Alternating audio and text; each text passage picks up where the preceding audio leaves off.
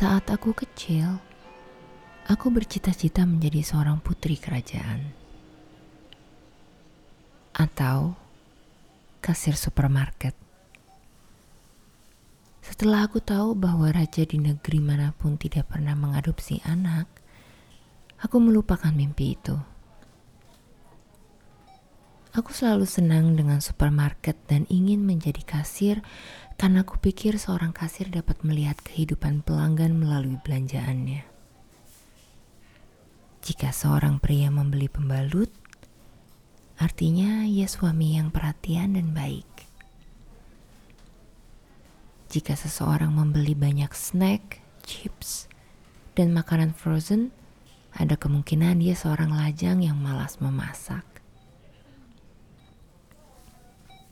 Aku senang memperhatikan orang lain, terutama saat aku sedang menulis.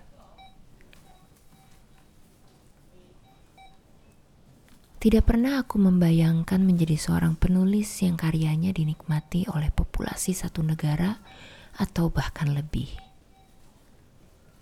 Semuanya hanya berawal dari surat cinta di SMA untuk Adit.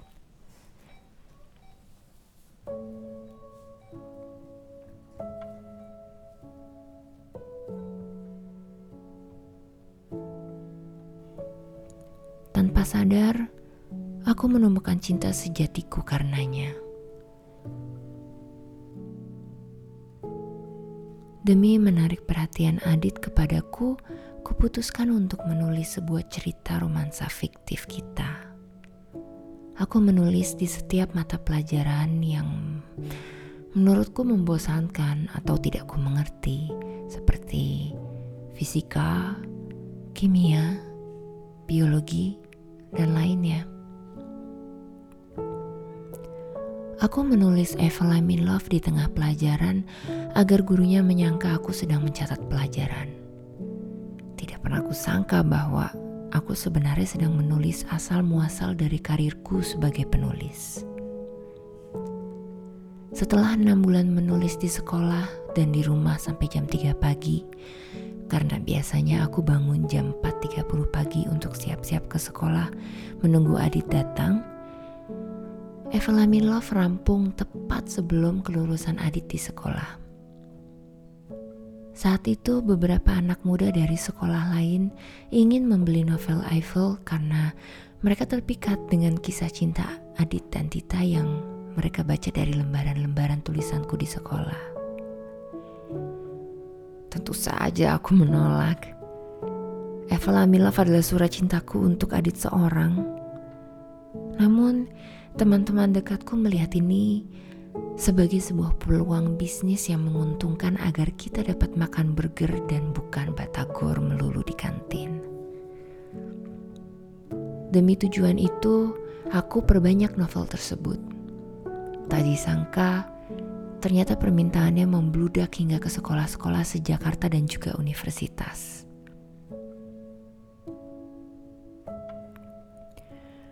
Semakin orang mencariku, semakin aku takut memberikan novelku pada Adit. Tapi setelah ia selesai ujian, aku memberikan juga novelku. Sudah tidak terbayangkan lagi betapa hatiku berdebar menunggu reaksinya. Ini yang ku nanti-nanti. Tapi yang merespon lebih cepat adalah perfilman Indonesia. Semua orang mencariku kecuali dia. Terkadang aku berpikir bahwa Tuhan memiliki humor yang unik. Aku hanya ingin menyentuh hati seorang adit, tapi tak disangka aku malah menyentuh hati jutaan manusia. Aku menginginkan cinta adit seorang, tapi Tuhan memberiku cinta jutaan orang yang berimajinasi menjadi Tita atau Adit. Aku tidak pernah meminta hal itu. Aku tidak pernah bermimpi menjadi seorang penulis yang dikenal. Aku hanya ingin menjadi kasir supermarket dan cinta dari Adit untukku. Tapi beliau selalu memiliki rencana yang jauh lebih sempurna dari pengetahuan kita yang sempit dan keinginan yang keras namun tidak bijak. Ia telah mempersiapkan semuanya. Ia tahu bahwa Adit akan menolak cintaku dan mematahkan hatiku. Untuk itu, ia telah menciptakan cinta dalam jutaan hati orang penikmat Evelamin Love agar aku menumbuhkan cinta baru. Cinta untuk menulis hingga aku bercita-cita menjadi penulis. Untuk kesekian kalinya, ia berhasil membuatku terpukau dengan karya perjalanan hidup yang telah ia tulis untukku. Ia membuatku paham betapa kecilnya cintaku pada Adit dibandingkan cintaku pada menulis yang didukung oleh jutaan cinta pembacaku. Ia lebih tahu apa yang kita butuhkan untuk dapat menjadi diri kita yang terbaik. Untuk itu, aku menganggapnya sebagai penulis yang hebat.